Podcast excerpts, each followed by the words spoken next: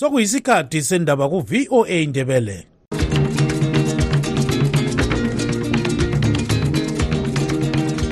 amatshono zihlobo. Siyalamukela kuhlelo lwethu lwezindaba eziphathelane lezimbabwe. Kustudio 7 eya voice of america sisakaza sisewashington dc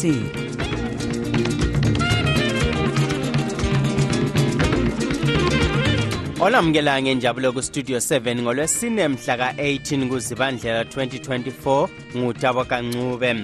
Endabeni zethu lamhlanje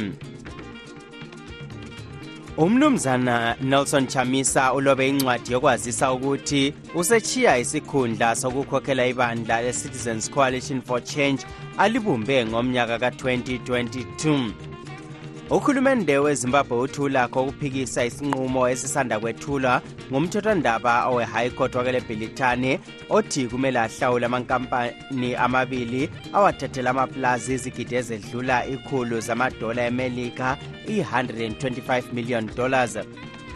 Amapholisa athi abophe abantu abalichumi kobulawayo. Namuhla abatholakale besemcimbini wokuganga obizwa ngokuthi ngamavuzu party kwenye indlu emzini we-hillside.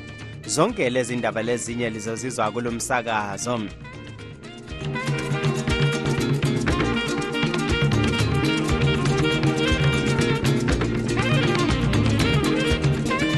umnumzana nelson chamisa ulobe incwadi esazisa ukuchiya kwakhe isikhundla sokukhokhela ibandla le-citizens coalition for change alibumbe ngomnyaka ka-2022 ngemva kokudonselana kwabakhona ebandleni ele-mdc uzulu uveza imibono ehlukeneyo ngenyathelo eselithethwe nguchamisa leli.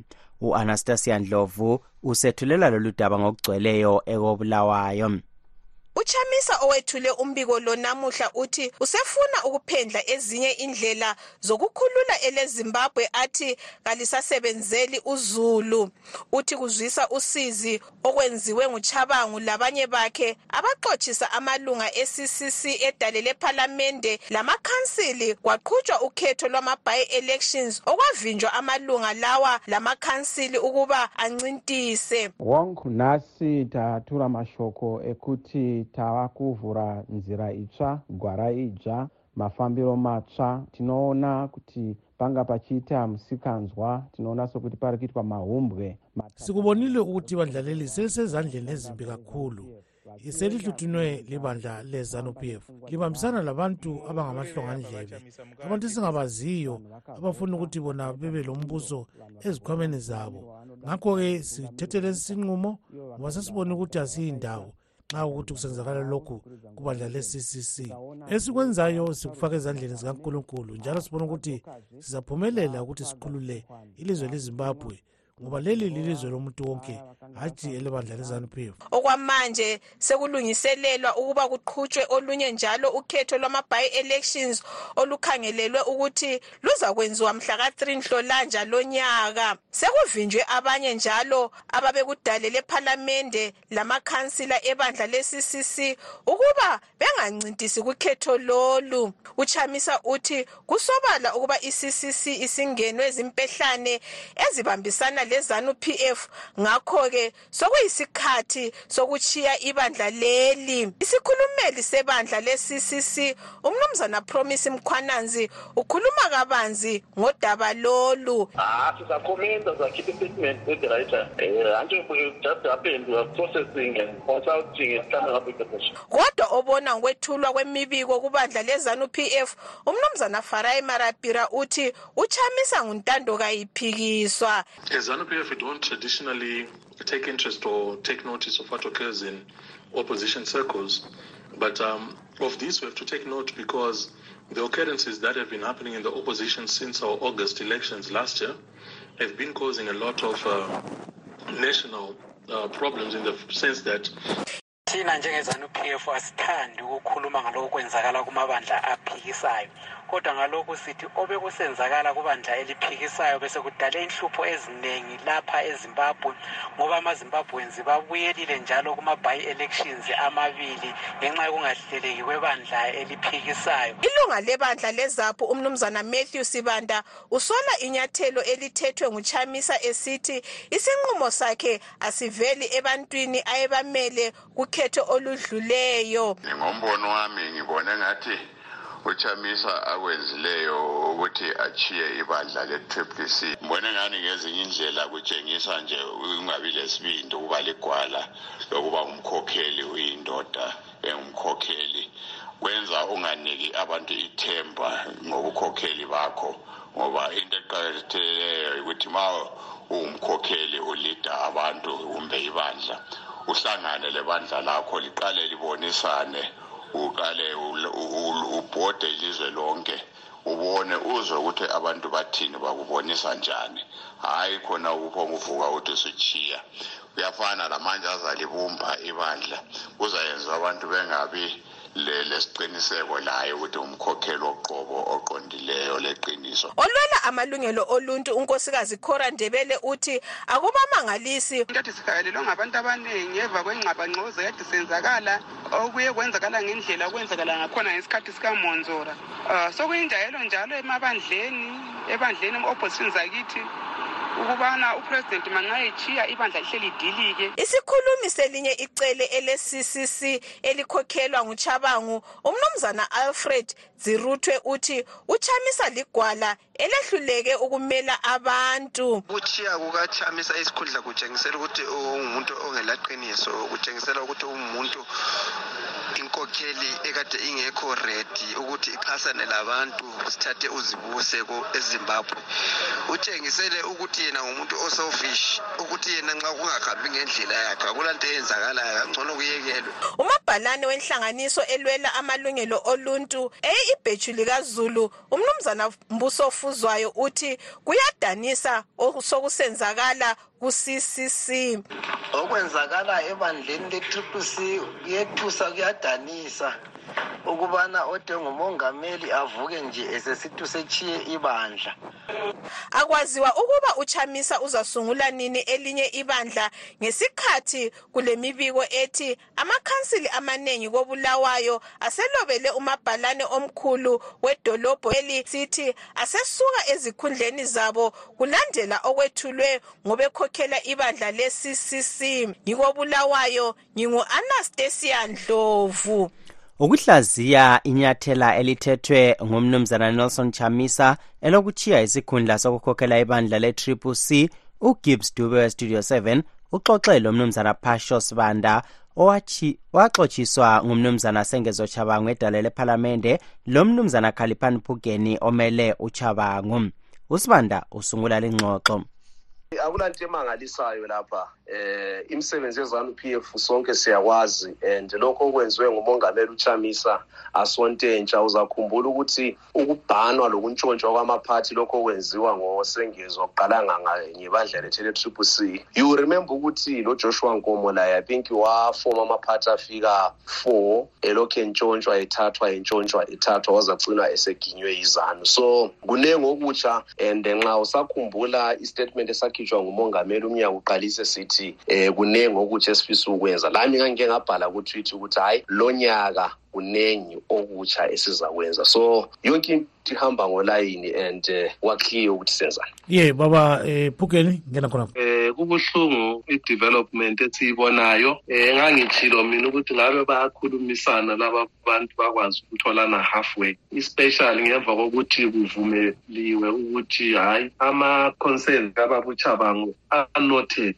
and ale alesisindo sibi kudinga ukukhulunyiswana. Basebekhuluma futhi ukuthi sokulabafundisi abasuke eharare beza kobulawayo kwadinga abafundisi babobulawayo ukuthi baxoxisane. Ukuthi basebefika njani la? Yikho khonokho ukuthi abantu belwe as if asobantwana bomuntu oyi-one. Yikho sesilapho esesikhona. Akulawina ke namuhla akulawina iwina sokuyizanu yakhona le sizozitholela i-two thirds iproject le isidistroyiwe ngokuba lalapho kutsha lapha ngabe siyakhona ukuba kumongameli kwazi bani ukuthi kuyophinda kuvele zina lezi zinto ezinje? Um bekungaba kuhle nje ukuthi abantu ngabakhulumisene. Okunye ngomlomo kulungiswa ngomlomo kodwa ngeke ngimsole kangako ngoba kuthiwa isicathulo sitshiso osigqokileyo ikhona kade sebemfake kulo hhayi lona beselibuhlungu kakhulu sibili kodwa-ke hhayi siyathemba ukuthi eh kusasenethuba lokuthi bangaphinda bakhulumisane babone ukuthi bangayiseva kanjani le project. Ye siyawuzwa kakhulu ukuthi sibiseke ubaba usibanda. Sibanda kambe ukuthi kungakhona kukhulunyiswana sokunje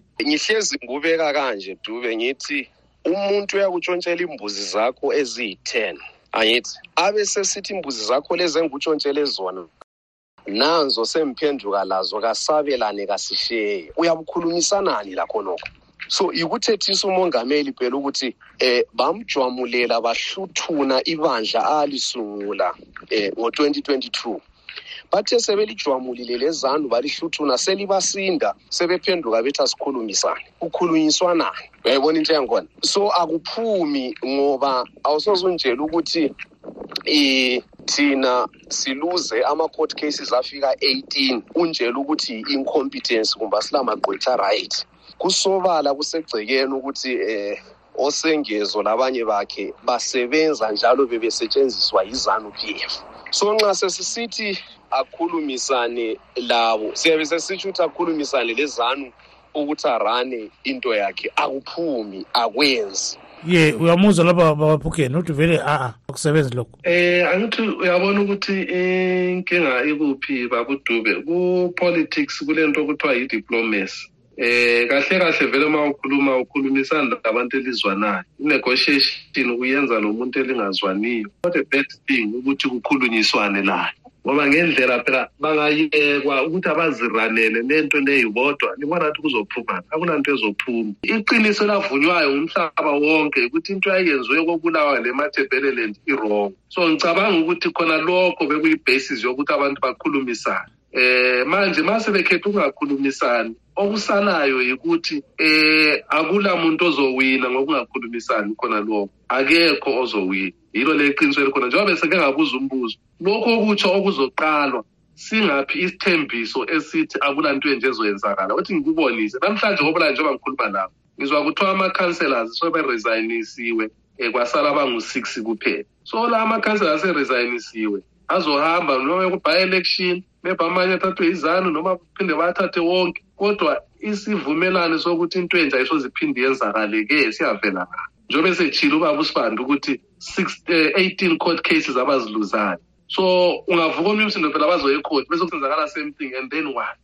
Yikho engikutshoyo ukuthi ekugcineni abantu bezimbabwe ngabe bayahlala phansi bakhulumisane. Um mangothi kwehlula lihambe e-south africa siyebuya nobaba umbheki or baba uzuma whoever south africa ibe yi-guarantor kodwa kuseqinisweni ukuthi asikwazi ukukhalala asikwazi ukwenza i-revolution sokusehlule lokho. Into ekhona yikuthi abantu abahlale phansi kungabi loncindezelo omunye kungabi lomunye ofuna uthatha abantu bayenze ngathi ayisolutho endaweni zakubo ngoba yikho lapha ile nto yaqala khona. Khulu-ke baba um sibanda ubona ngazane vele sokubhidlikile ukuthi akusalungiseki kumbe kubunjwe elinye ibandla lakho lingabunjwa liyabe siya ngaphi? Akusoze kuphinde yini lokho? Okubalulekileyo okufanisa abantu bekuzwisise ukuthi ipolitics esesizenza kathesi kakuseyizo ezamabandla. Uke washo futhi umongameli emalangeni esitsho ukuthi eh, ethi yena brace up for the new we are no longer doing party politics. So njengoba ngitshile ukuthi hhayi into siyibambe kuhle siyazi ukuthi siya ngaphi njalo siyezani lapho lizwe umnumzana phasho sibanda ukubandla le-triple c owaxotshiswa ngumnumzana sengezochabangu edale lephalamende lo mnumzana khaliphani phugeni omele uchabangu bexoxa lo-gibbs dube owestudio 7 The voice of America, VOA. uhulumende wezimbabwe uthi ulakho ukuphikisa isinqumo esisanda kwethulwa ngumthethwandaba we-high court wakwelebhilithane othi kumele ahlawule amankampani amabili ahluthunelwa amaplazi phansi kohlelo lokwabela uzulu umhlabathi. Lo mthethwandaba uthi uhulumende wezimbabwe kumele ahlawule izigidi ezidlula ikhulu zamadola emelika i-125 million dollars. Isinqumo lesi sethulwa lidale ele-international center for settlement of investment disputes ngomnyaka ka-2015 kubika u-ezra chisasibanda umahluli we-high court kwele-britano justice julia dias ulahle isicelo sezimbabwe sokuthi idale le-icsid elamonje ngomnyaka 1996 libhange elikhulu lamazwe omhlaba ele-world bank liphathe indaba zelizwe leli udias uthi kumele kuhlawulwe amakampani amabili abalisa ibora timbers private limited le-hungany development limited ayiwo aphanyeka udaba lole-center for settlement of investment disputes ngomnyaka 2010 uhulumende wezimbabwe uthi ulakho ukusiphikisa isinqumo esethulwe ngujustice dias unkosikazi virginia mabhiza igqwetha elikhulu likarhulumente uthi basahlolisisa udaba lolo. Okwamanje angenelisi ukukhuluma ngodaba loloisinqumo esifungenezawocabangayo singakakhulumi ukuthi umphathintambo wezemthetho umnumzana ziyambi ziyambi walile ukuchaza ukuthi uhulumende wakhe uza kwenzani esithi istudio 7 ayikhulume lo mtshutshisi omkhulu welizwe. Fonela attorney general shayela ucingo u-attorney general nguye wayephatheka kulolu daba njalo nguye wayehamba enkantolo yelondon elanda leli cala. Ngibona kunguye futhi okufanele ukuthi akhulume ngalolu daba ngoba wayemele uhulumende umtshutshisi omkhulu welizwe ujustice lois mathanda moyo laye walile ukhuluma ngodaba lolo. Um, Justice matanda prosecutor general. so you can call the attorney general elikhulu yilo eliphethe lolu daba akwaziwa ukuba elezimbabwe lizaphanyeka nini? Udaba lolu emthethwandaba kulandela isinqumo esithethwe lidale le-high court kwelebhilithane igqwetha lezimele lingcwethu kwezomthetho womhlaba international law njalo elilwela ilungelo loluntu umnumzana lwazi jamela uchaza ukuba kutshonu okwethulwe i-high court yakwelebhilithane isinqumo sokulahlela khatshana isicelo sezimbabwe esokuthi isinqumo se-tribunal singabhaliswa njenge-judgment kwale england.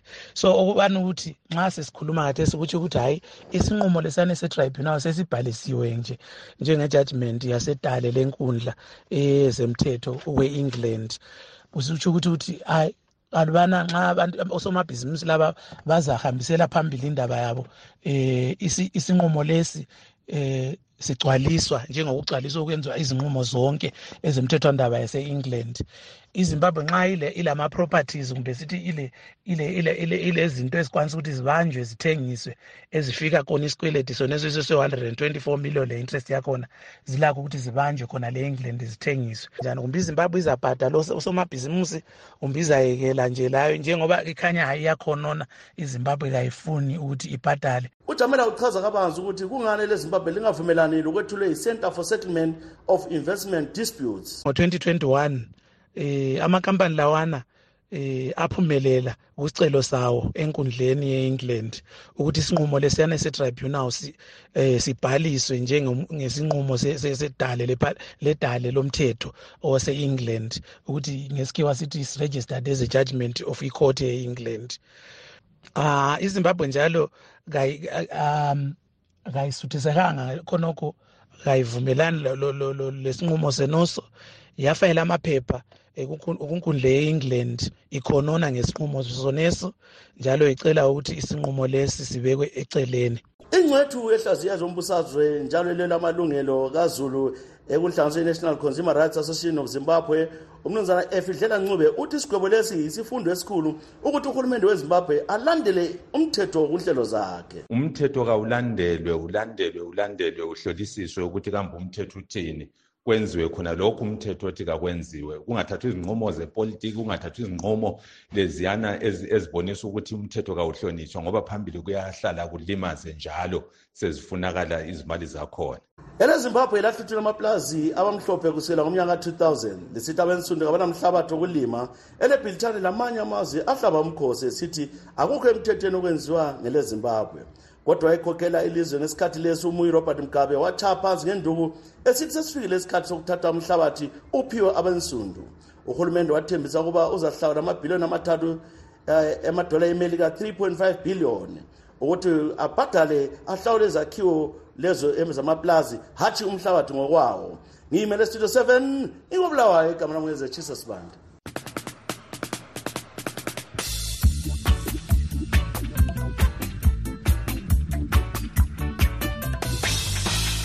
amapholisa athi abophe abantwana abalichumi kobulawayo namuhla abatholakale besemcimbini wokuganga obizwa ngokuthi ngamavuzu party kwenye indlu emzini we-hillside.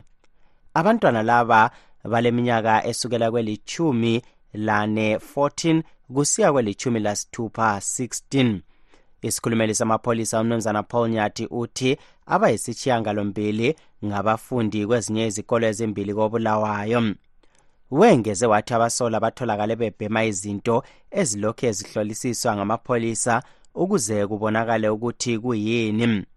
Baningi abasakhulayo asebebotshiwe kobulawayo esikhathini esedluleyo ngemva kokutholakala emagigini amavuzu party okuyimicimbi lapho abasakhulayo ababuthana khona ngudlu benatha utshwala lokusebenzisa izidakamizwa njalo besiya emacansini bengaqize qhakala untungameli nkomo estudio 7 uxoxele isiphathamandla senhlanganiso yebulawayo progressive residents association umnumzana thembelani dube.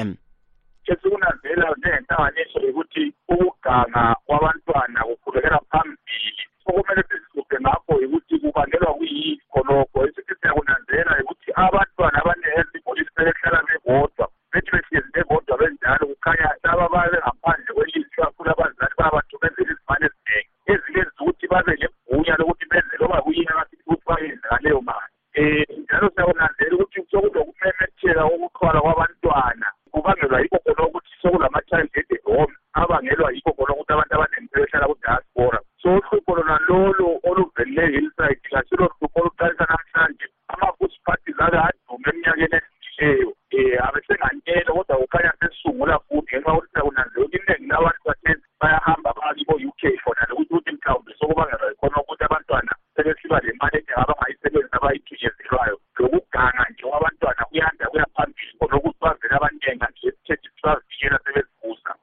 uyatsho ukuthi ludala lolu daba kobulawayo babadube lungaqedwa njani pho? Okukhona ukuthi imithetho kumele iqinise isandla somthetho kumele siqine ebantwaneni.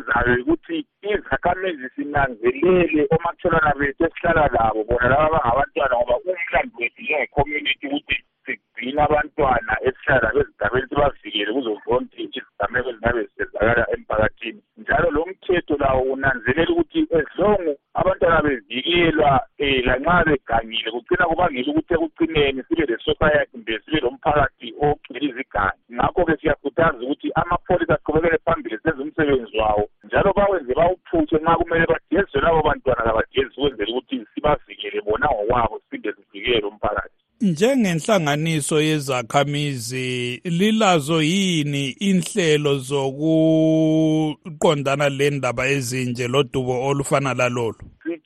Ukukhuthaza ubukhokheli njalo siyaqhubeka sikhuthaza ubukhokheli bezigaba ukuthi sinanzelele kwabe kusenzakala ezigabeni. Nxa kulokunye esingakuboni kuhle sitshela amapholisa ngilethemba ukuthi okwenze labo bantwana babanjwa izakhamizi ezisuke zaripota emapholiseni ukuthi kulesigameko esinje esenzakala endaweni ethile. Khonakhona ke sikukhuthazayo ukuthi sinanzelele izigaba ezihlala kizo ukwenzela ukuthi zihlale zilokuphepha zilokuthula njalo singabona kungani kule nto engahambi kuhle umthetho singazawufaka ezandleni ngoba abantu bayagcina bebotshiwe kodwa-ke baripota emapholiseni umnumzana thembelani dube yisiphathamandla senhlanganiso yebulawayo progressive residents association.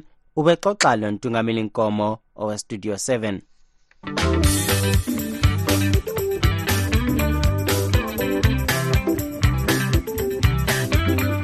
ingcitshi zokulima zikhuthaza abalimi ukuthi balime izilimo ezitshiyeneyo njengalokho okwakusenziwa kudala ukuze kuqedwe udubo lwendlala olubangelwa yikuguquka komumo womkhathi osekuphazamisa isikhathi sokulima.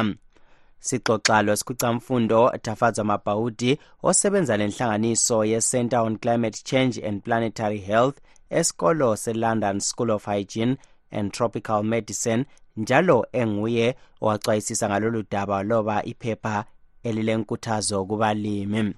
Agriculture in Zimbabwe. Has been performing uh, a little bit below potential. uhlangothi lwezokulima ezimbabwe belungaqhubi kuhle laloba kule ntuthuko esibe khona kodwa kulezinye izigaba eziqhuba kuhle ngenxa yokuna kwezulu thina sikhangela kakhulu abalimi abalensimo ezincane abasendaweni ezikuregion 3 4 lo 5 ezingani izulu kakhulu njalo zilomhlabathi ongavundanga So typified by poor fe- fertility. ukugwalo lwakho uqathanisa ukulinywa kwesilimo esisodwa lokulinywa kwezilimo eziningi ensimini inye ukulima isilimo esisodwa ensimini kuletha indubo ziphi So it's it's it's a matter of you know having a toolbox with different spanners. yindaba yokuba lezikhali ezitshiyeneyo okwenza wenelise ukusebenzisa ngendlela ukuze uphumelele ukulima isilimo esisodwa kusebenza kuhle emaplazini amakhulu alima efuna ukuthengisa esebenzisa imitshina kodwa nxa sesikhangela abalimi abalensimu eziphansi kwamahektha amabili. Akusebenzi ukulima isilimo esisodwa ngoba abalamhlabathi oweneleyo ongabatholisa inzuzo besebenzisa isilimo esisodwa. Ngenxa yalokhu kulendingeko yokusebenzisa ngokugcweleyo umhlabathi ngokulima izilimo ezitshiyeneyo ngasikhathi sinye kumbe ngezikhathi ezitshiyeneyo. Lokhu kuphathisa umhlabathi ukuthi uhlale uvundile njalo kusipha umuzi ukudla okutshiyeneyo kanye lezilimo zokuthengisa ezitshiyeneyo. Sibone abalimi behlangana lobunzima obutshiyeneyo ngenxa yokuguquka komumo womkhathi. Kuyini ongakukhuthaza abalimi ukuze kwehliswe indlala ezimbabwe? My recommendations for, for Zimbabwe and farmers in Zimbabwe ngithanda ukukhuthaza abalimi bezimbabwe ukuthi balime izilimo ezitshiyeneyo ikakhulu endaweni ezingani izulu elinengi. Bahlanyele izilimo ezenelisa ukuvuthwa lanxa kungela zulu elinengi njalo ilanga lichisa ezifana lamabele lenyawuthi njalo bengalimi umumbu omnengi. Inyawuthi ayikhukhulwa lula njalo kungaba lezulu elinengi kusikhathi esifitshane njengokwenzakele kwezinye indawo lonyaka. Ngikhuthaza njalo abalimi ukuthi bahlanganise izilimo lezi lezinye inhlanyelo ezifana lamazambane indumba lokunye ukuze kuvundiswe umhlabathi. Nxa ithuba likhona ngikhuthaza njalo abalimi ukuthi balime imibhida efana labokhovo leminye evame ukulinywa emaphandleni njengoba iphathisa ngesitshebo common in the rural areas to also sow them in these spaces as they help plug uh, the food insecurity gaps in between harvests. Lo ubengusikhwicamfundo thafadzwa mabhawudi osebenza lenhlanganiso ye-center on climate change and Plan- esikolo se-london school of hygiene and tropical medicine exoxa ecingweni lestudio 7 esebhilitane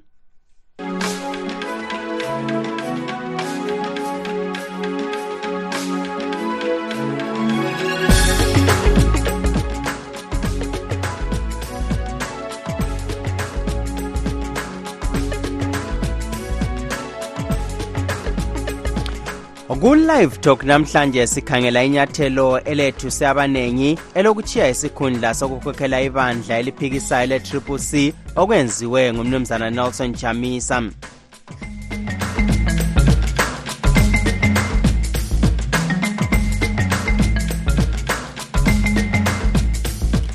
Singake ehlukana izihlobo othi sikhangele ezinye zendaba ebezikhokhela. Umnumzana nelson chamisa uchiye isikhundla sokukhokhela ibandla le-citizens coalition for change alibumbe ngomnyaka ka-2022 uhulumende wezimbabwe uthulakho ukuphikisa isinqumo somthothandaba owe-high court welebhilithani okuthi sihlawule amankampani amabili imali. Silugqiba-ke lapha uhlelo lwethu lanamhlanje olivalelisayo ngutabo kancube lilale.